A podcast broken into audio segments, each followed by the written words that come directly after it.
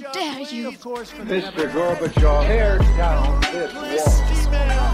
I did not have sexual relations with that woman. Read my lips. Hell yes, we're gonna take your AR-15. It's waking I have a dream. Thank you. Ja, for, um, for ett år siden, Harald, så um, Ja, ja, det hadde jo ikke vi, vi visste vi litt sånn perifert om, eh, om dette koronaviruset kanskje 3. mars i 2020. Eh, så gikk det jo bare én uke, og så var vi eh, egentlig i karantene på, på Borgerbunn. Eh, og mye har jo skjedd, har jo, har jo skjedd siden da. Kan du huske tilbake til tiden før, før liksom mannen med ljåen, holdt jeg på å si, bildet av pesten, svartedauden som kom? Husker du tilbake til den tida? Ja, det er, det er jo så vidt. Eh, Det, det, det siste året er jo eh, nærmest som et, eh, et langt liv. Med tanke på alt som, som har skjedd, og hvor store endringer både Norge og resten av verden har gått igjennom. Så, så det, er, det er jo egentlig litt vanskelig å, å tenke til, tilbake på hvordan livet var, var før. Du var vel full av nerver for eplevåren? Det, det stemmer. Eh, og det, er altså en enkel ting, i og for seg litt sånn triviell. Eh, vi eh, som bor nærme svenskegrensa, er jo vant til å reise over, over til Sverige ganske ofte. Eh, ikke nødvendigvis bare for å, for å handle, det er jo enkelte som spiller golf i Sverige også. Tenk seg det. Eh, og ja, dekadent som du er. Ja. Og det var meg vi snakka om, ja. Ah, skjønte. Jaha. Um, Så, så vi har jo, jeg har jo ikke vært i Sverige på eh, snart eh, nøyaktig ett et år, og det er vel det den lengste Sverigefrie perioden i eh, mitt, eh, mitt liv. Ja, og lytterne, lytterne kan jo ikke se det, men Harald eh, ser jo friskere ut i huden. Han, er, han gløder, han eh, ser sunnere ut enn det han har gjort da på tilfeldigvis et år. Ja, det er jo selvfølgelig av reduksjon i, eh, i bacon og, og løsgodisforbruket. Ja, og ikke minst Pepsi Max. Mm. Nei, men det jo, det har jo vært Det er jo mye som skjer. Det, jo, det, jo- det var jo en spennende tid. Eh, Det har jo vært mye mat for oss, da, som driver med statsvitenskap og politikk og, og samfunn og, og sånne ting. Og sånt. Statsvitenskap og sånt. Så har det vært, eh, har det vært eh, ganske sånn eh, interessant. Du skrev jo eh, Du var vel også i gang i fjor, Harald, med å skrive en bok om demokrati? Ja, det, det stemmer. Så nå er jeg vel omtrent halvveis, eller litt over, tenker jeg. Ja. Så hvis jeg er heldig, så får jeg skrevet ferdig et kapittel til i løpet av, av uka. Så da er jo spørsmålet blir det blir, det, blir den klar til eh, jule, julemarkedene og klar for å ligge under treene til jula 2021? Eh, kanskje. Eh, det, er vel, eh, det er vel mulig. Eh, det, det, spørs eh, litt hvor rask jeg er til å skrive, og så spørs det litt hvor rask eh, prosessen med forlaget går. Men det hadde vært gøy hvis den var klar til, til jul. Ja, da er det jo Det er viktig det, er viktig det å nå det, det markedet. Eh, og, og få liksom med, med den. Det er en skikkelig, skikkelig god bok å bruke jula på. Så det, det blir jo spennende, men det er jo sånn eh, Når man jobber med, med disse tingene, og akademia mye, noe, noe av det har jo forandra seg for, for oss, ikke sant. Vi har, jo ikke, vi har jo ikke sett studentene våre fysisk i, i, i Ja, egentlig på, på et år, da. Eh, og det er jo faktisk ganske spesielt.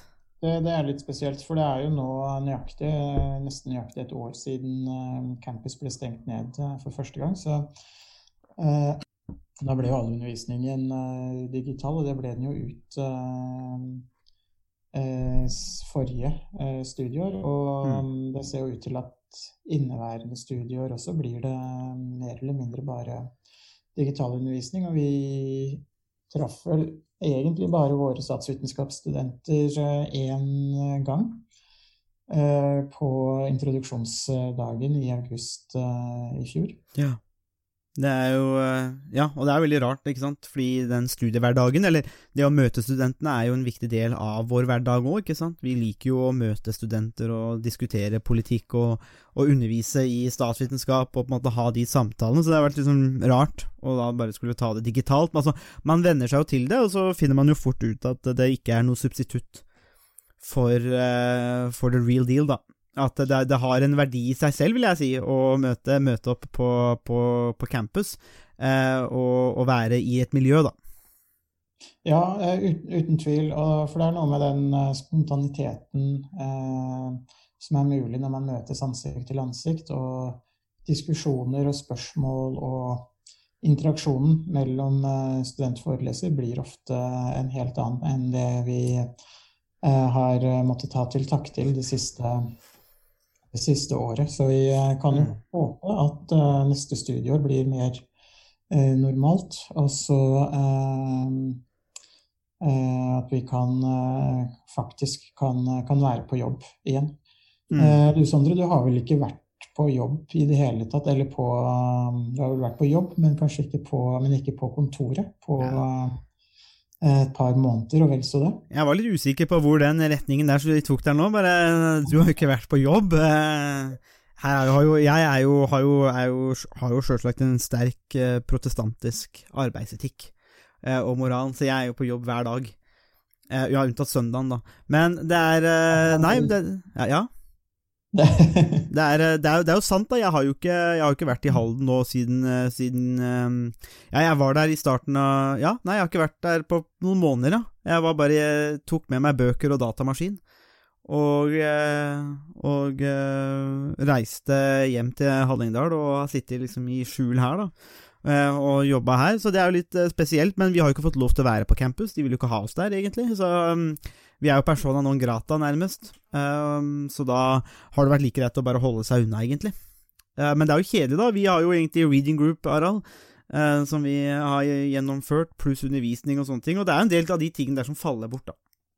Ja, det er det. Man, man mister veldig mye, og det har jo også vært en del fokus på den vanskelige situasjonen som studentene har stått overfor også det de siste året. Ja, og det skjønner vi jo. Og det, i, i, går var det jo en diskusjon på Dagsnytt 18 eh, mellom en eh, tidligere student eh, og en professor som eh, var ganske uenig i måte, begrensningene og mulighetene som eh, pandemien har gitt. Eh, professoren mente jo at man burde bruke all fritiden, all den ekstra fritiden man, man får som student når man ikke har en deltidsjobb eller har et uh, utagerende festtilbud i nærmiljøet, uh, til å lese mer og til å måtte, utnytte de mulighetene som ligger der, da, til å, å, lære mer. Uh, noe som den tidligere studenten, nå ansatt i Miljøpartiet De Grønne, var rykende uenig i. Og pekte på mange av de utfordringene som, som studenten står overfor.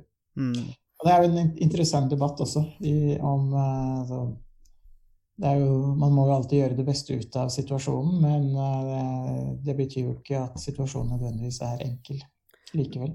Nei, og, og, og, da er vi jo liksom litt inne i, um, i, noe av det som har vært problemet, eller diskusjonen, eller utfordringen nå, um, med, med koronaen. Altså, det er jo ikke enkelt for noen. Det er jo ikke moro for noen med disse nedstengelsene og restriksjonene uh, og alle disse tingene. Det er, eh, og det skal jo si at vi, vi, har jo full forståelse for at studentene syns det er veldig kjipt og ikke at de er på campus, og at det er fysisk at man ikke har disse festene og fadderuke og alle de tingene der.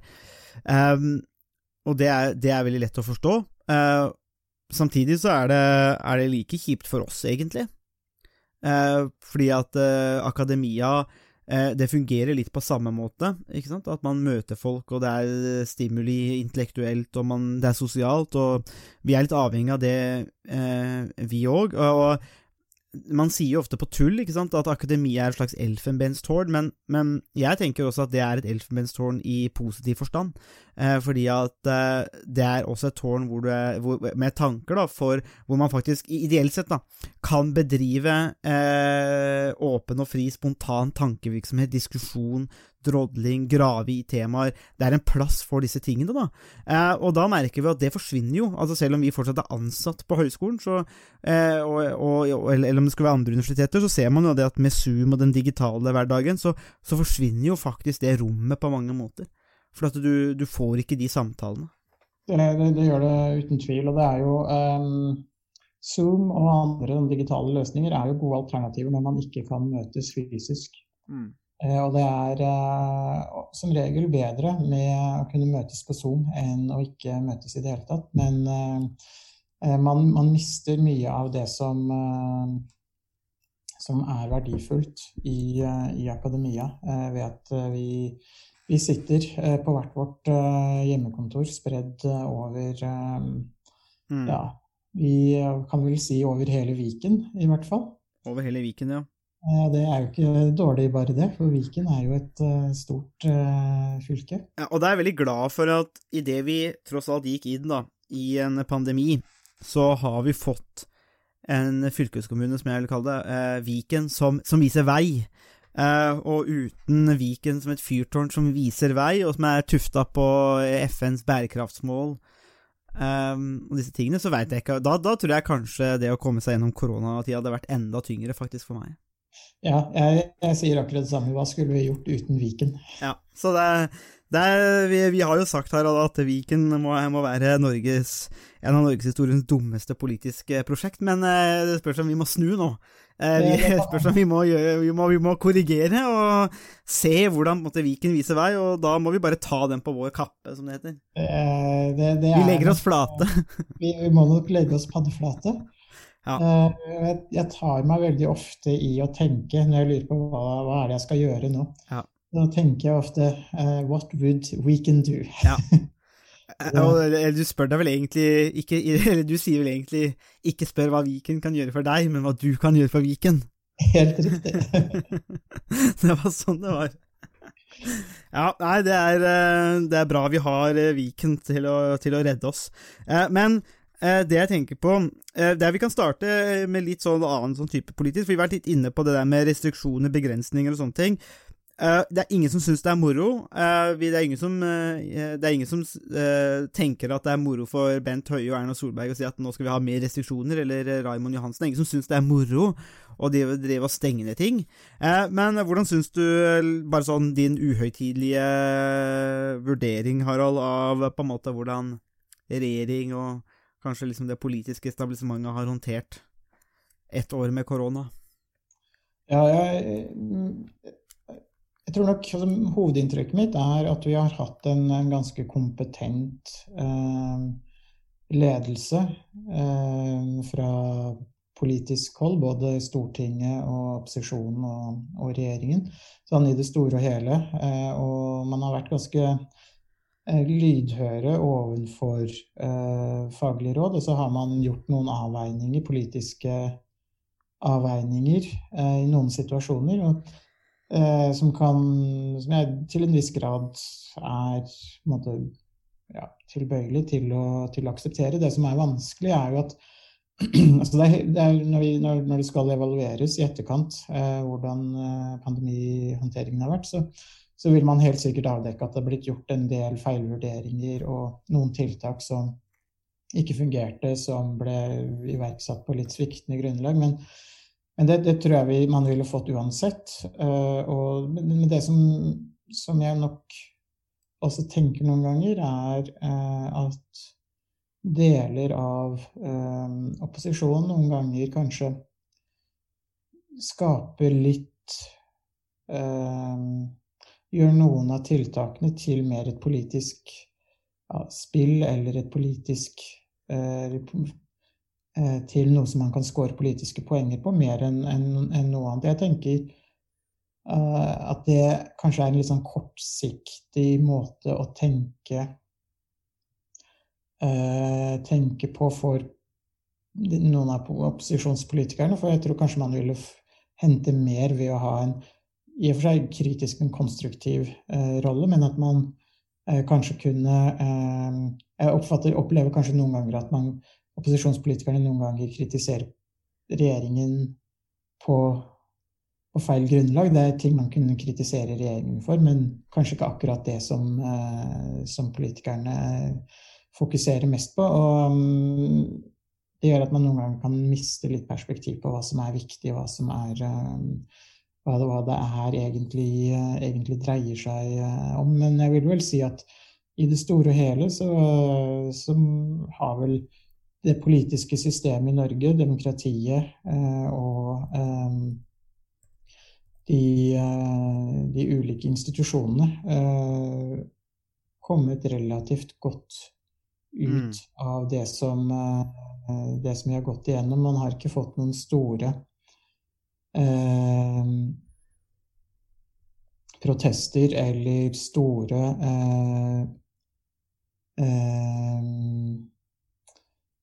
offentlige debatter eh, hvor det har vært ganske mye eh, Hvor det har blitt store Hva skal jeg kalle det? hvor det har blitt store hvor det har blitt stor, stor politisk uenighet. Det har vært stort sett saklig uenighet. Det har vært kanskje noen spredte episoder hvor enkeltpolitikere har gått litt krast ut, eller litt uh, saker har kommet litt skjevt ut. Mm. Men det er vel kanskje naturlig for, for en opposisjon òg, tenker jeg, eller måtte når, når, man har et så dominerende, mm, dominerende politisk sak og problem, så må man vel sikkert prøve å gjøre det man kan da, i dette politiske spillet, i denne konkurransearenaen for stemmer og velgere, at man forsøker å signalisere og, og, på en eller annen måte da, sin egen politikk og markere seg, så man ikke drukner i, mm, i regjeringens arbeid.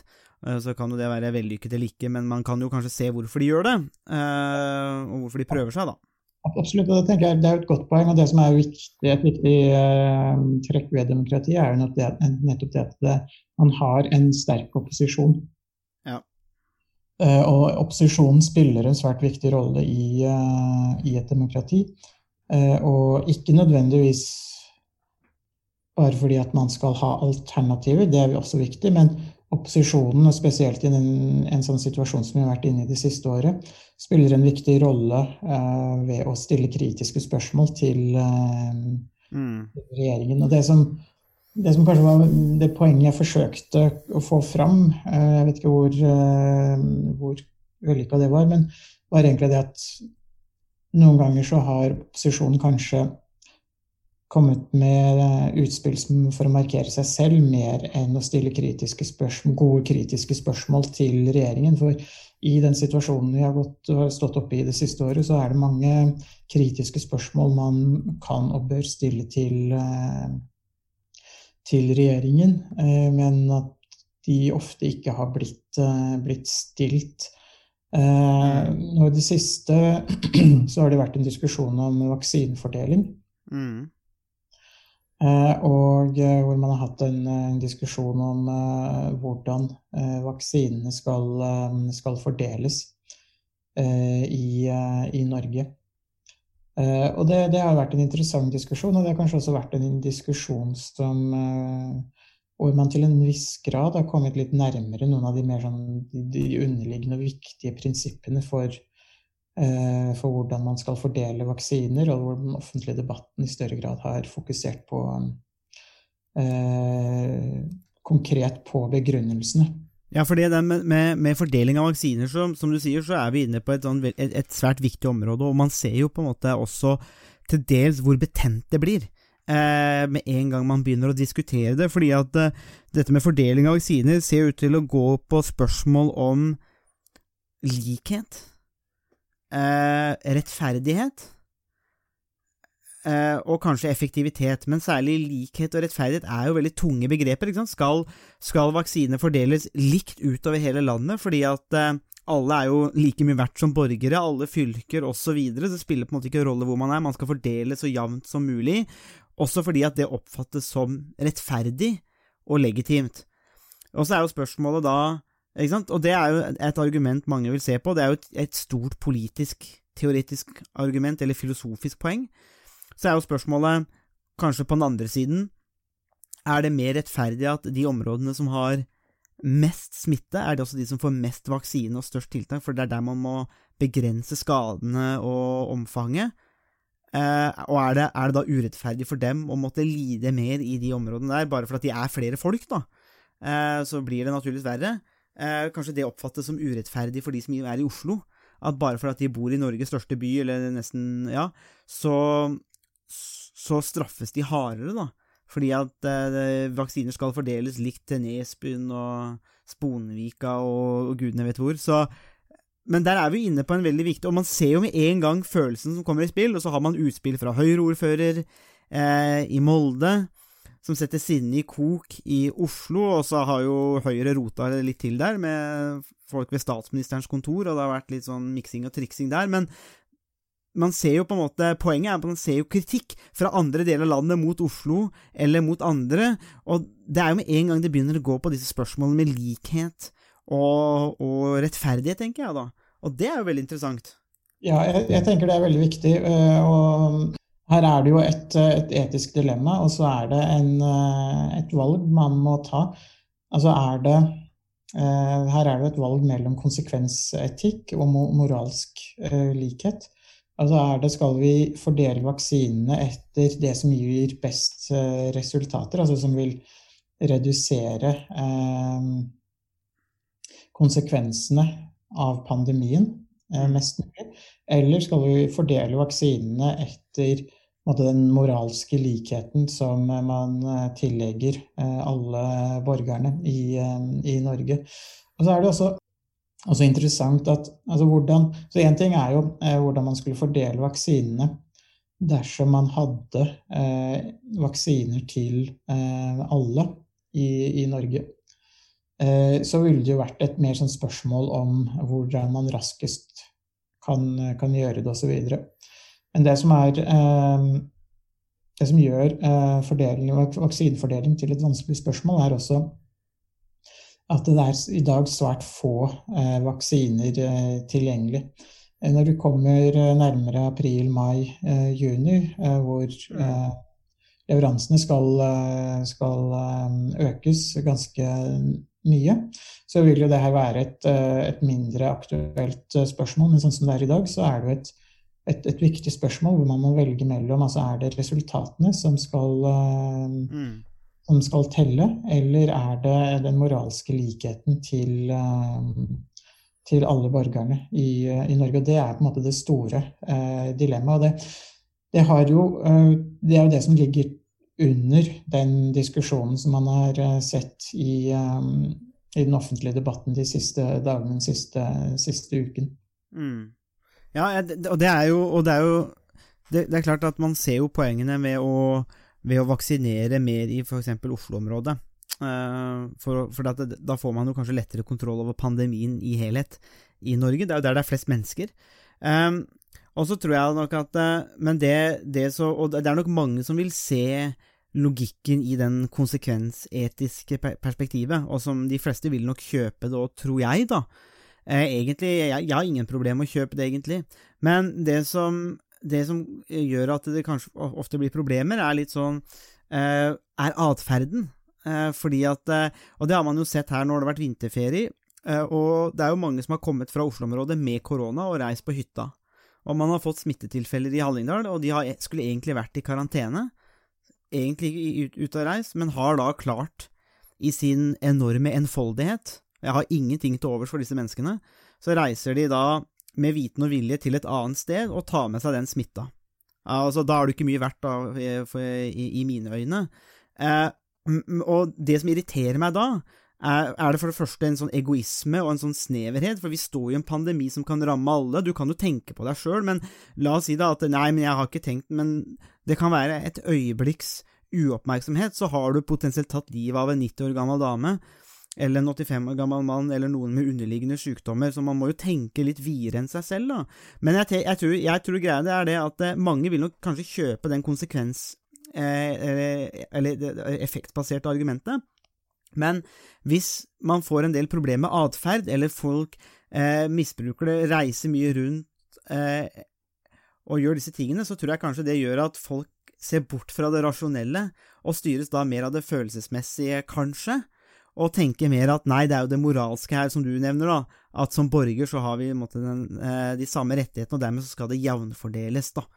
Eh, og det lurer jeg på om kan være en utfordring òg, at hvis man får en litt sånn uansvarlig oppførsel, så vil det også rokke litt med det det jeg har lyst til å kalle solidariteten, da. Fordi at jeg tror en sånn type eh, kon eh, konsekvensetisk perspektiv er litt avhengig av solidaritet, fordi at eh, man kan tenke det på egennytte òg. Men samtidig ikke. Altså, hvis, hvis jeg går opp i Hallingdalen her og ikke møter noen andre, så spiller ingen rolle om det tar ett år før Oslo er ferdigvaksinert. Jeg ser dem ikke uansett. Um, så dermed så har det ikke noe nytte for meg. Men hvis vi, da, hvis vi da baserer det på solidaritet, hvis det er det man er ute etter, så må man jo passe på at man ikke underminerer det da på noen som helst måte. Men jeg sier ikke det at det er det folk gjør, men jeg sier at jeg tror kanskje at i en litt sånn forenkla et, I et forenkla bilde så kan veldig mange ofte se seg litt blinde på disse tingene. Jeg tenker at det er helt greit at Oslo eksempel ville blitt vaksinert først, for det er der det er flest mennesker, og der vil man ha størst sjanse for mutasjoner osv. Men jeg kan, jeg kan, se for meg hvordan eh, inkonsekvent eh, oppførsel og sånne ting kan føre til at folk oppfatter det som urettferdig at Oslo eksempel, eller andre byer prioriteres først. da. Ja, uh, Interessant du nevner solidaritet, for det er jo snart et, uh, et år siden vi lagde en podkast om uh, solidaritet også. Er sant. Det er, sant. det er vel en av de podkastene hvor vi var uenige. ja. nei, så jeg, jeg, tenker Vi har ikke snakka sammen siden da. Vi har spilt inn alle podkastene sånn, hver for oss, og så det er første gang vi møtes nå. Ja, endelig gjenforening. Ja, det er gjen, det er gjen, det, dette er gjenforeningspodkasten. Akkurat som Knutsen og Ludvigsen. ja. Ja. Uh, ja. Nok, nok, om det. Nok om det. uh, nei, men altså Jeg tenker det du, det du, er inne på, er veldig viktig, fordi det er jo egentlig et spørsmål om personlig frihet. Mm. Og det har også vært et uh, et uh, spørsmål som har vært uh, diskutert mye i, uh, i mediene det siste året. For vi har jo alle vært, vært, gjenstand for ganske inngripende tiltak i vår personlige frihet med tanke på hvor vi kan reise, hva vi kan gjøre, hva vi måte må ha på oss når vi beveger oss i, i det offentlige rom, som munnbind og lignende. Eh, så mange har jo kritisert myndighetene for at dette er altfor inngripende tiltak i den personlige friheten til hver enkelt av oss, og at eh, fordi det er så, så inngripende tiltak, så er de ikke legitime, eller de er ikke noe man er, har en plikt til, til å følge. Eh, og det, det, er jo i og for seg et, et interessant um, poeng som går litt eh, på det du, er, det du, snakket om, hvor måte, uansvarlighet, uansvarlig opp, eh, oppførsel og atferd kan, kan, gjøre eh, smittesituasjonen mer alvorlig og verre enn det den egentlig trenger å, å være. Og det, jeg tenker det som, altså Den personlige friheten har jo uten tvil blitt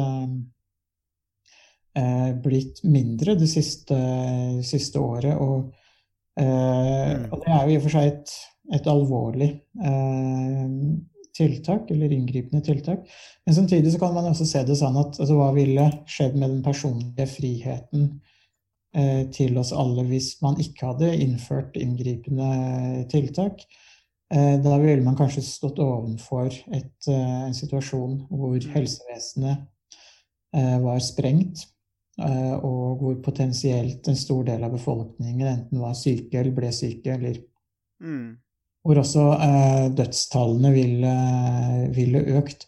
Så på den ene siden så er det jo en må jo betale en, en pris, alle sammen, eh, i, når det gjelder personlig frihet. Eh, og um, og det er altså Konsekvensene har vært ganske, ganske alvorlige, men samtidig Alternativet kunne jo også vært svært alvorlig. Det vet vi jo ikke helt eh, hvordan, eh, hvordan, det ville vært hvis man ikke hadde gjort noe.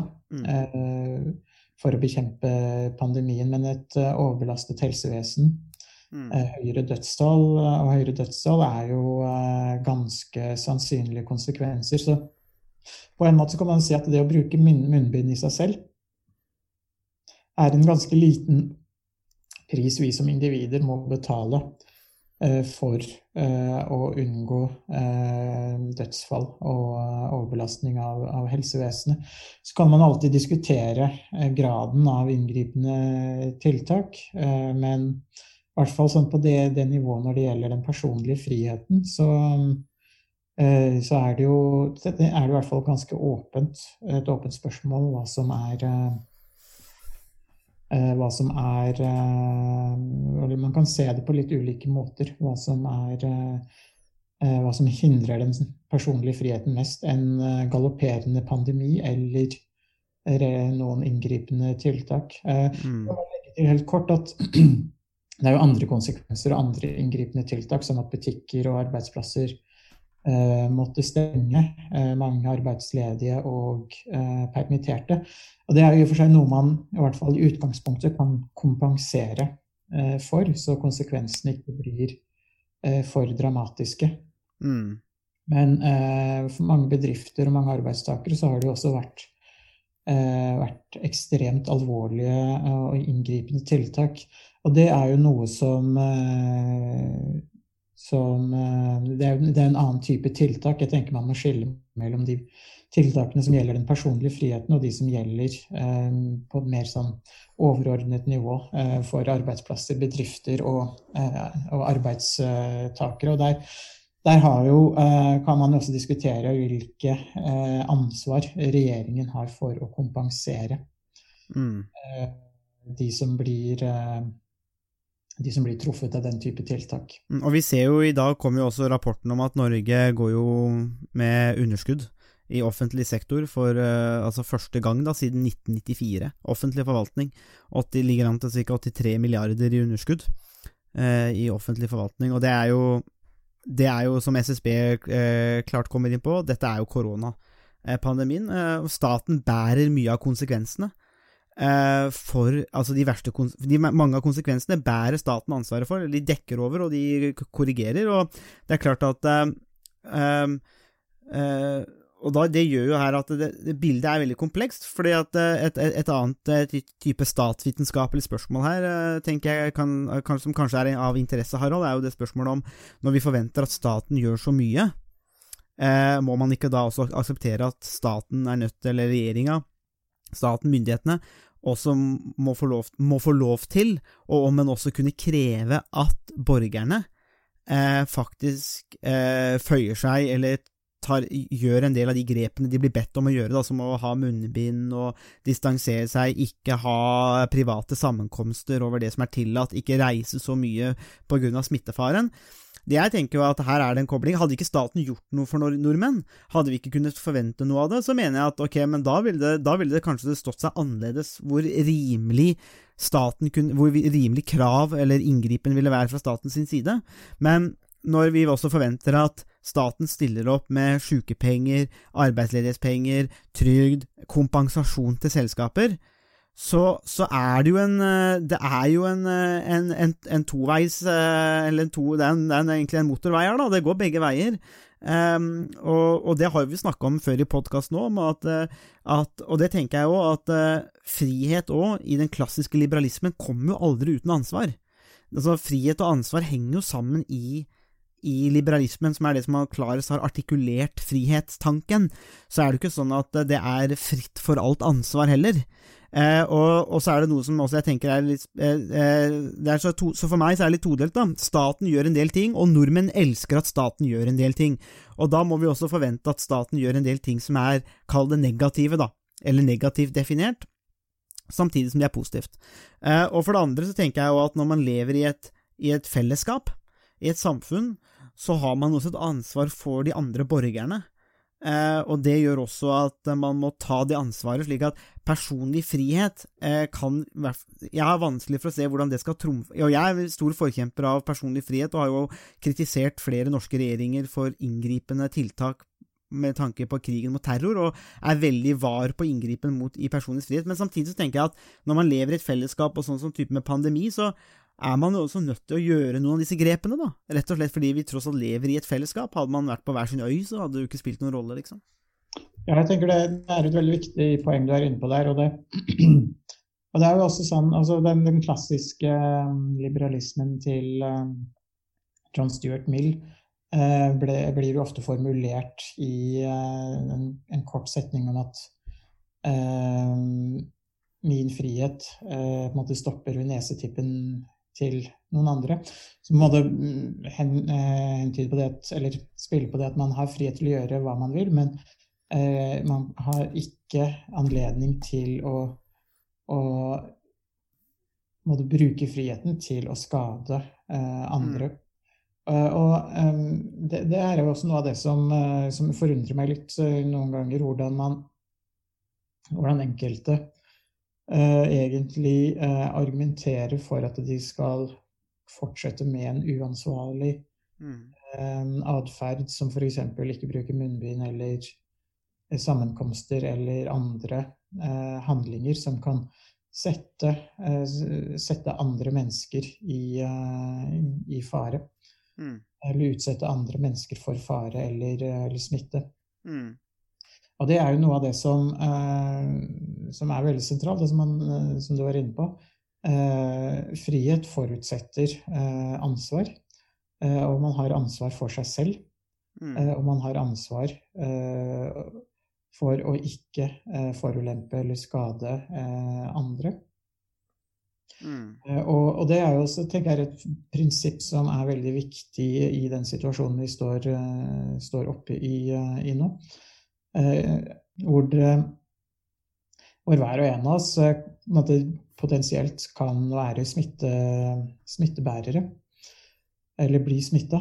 og hvor vi da har et ansvar for også å ikke utsette andre for den, eh, den, smitten. Så uten at vi på en måte skal eh, gå god for eh, regjeringens og myndighetenes håndtering av, av den pandemien som vi står oppe i nå, så, så er, det, er jo det her med, måte, et mer generelt og prinsipielt poeng mm. om, om, frihet, som pandemien har gjort enda tydeligere enn mm enn tidligere, kanskje, hvor man ofte har hatt en i veldig stor grad en, en kravmentalitet i forhold til hva, hvilke goder man ønsker fra det offentlige.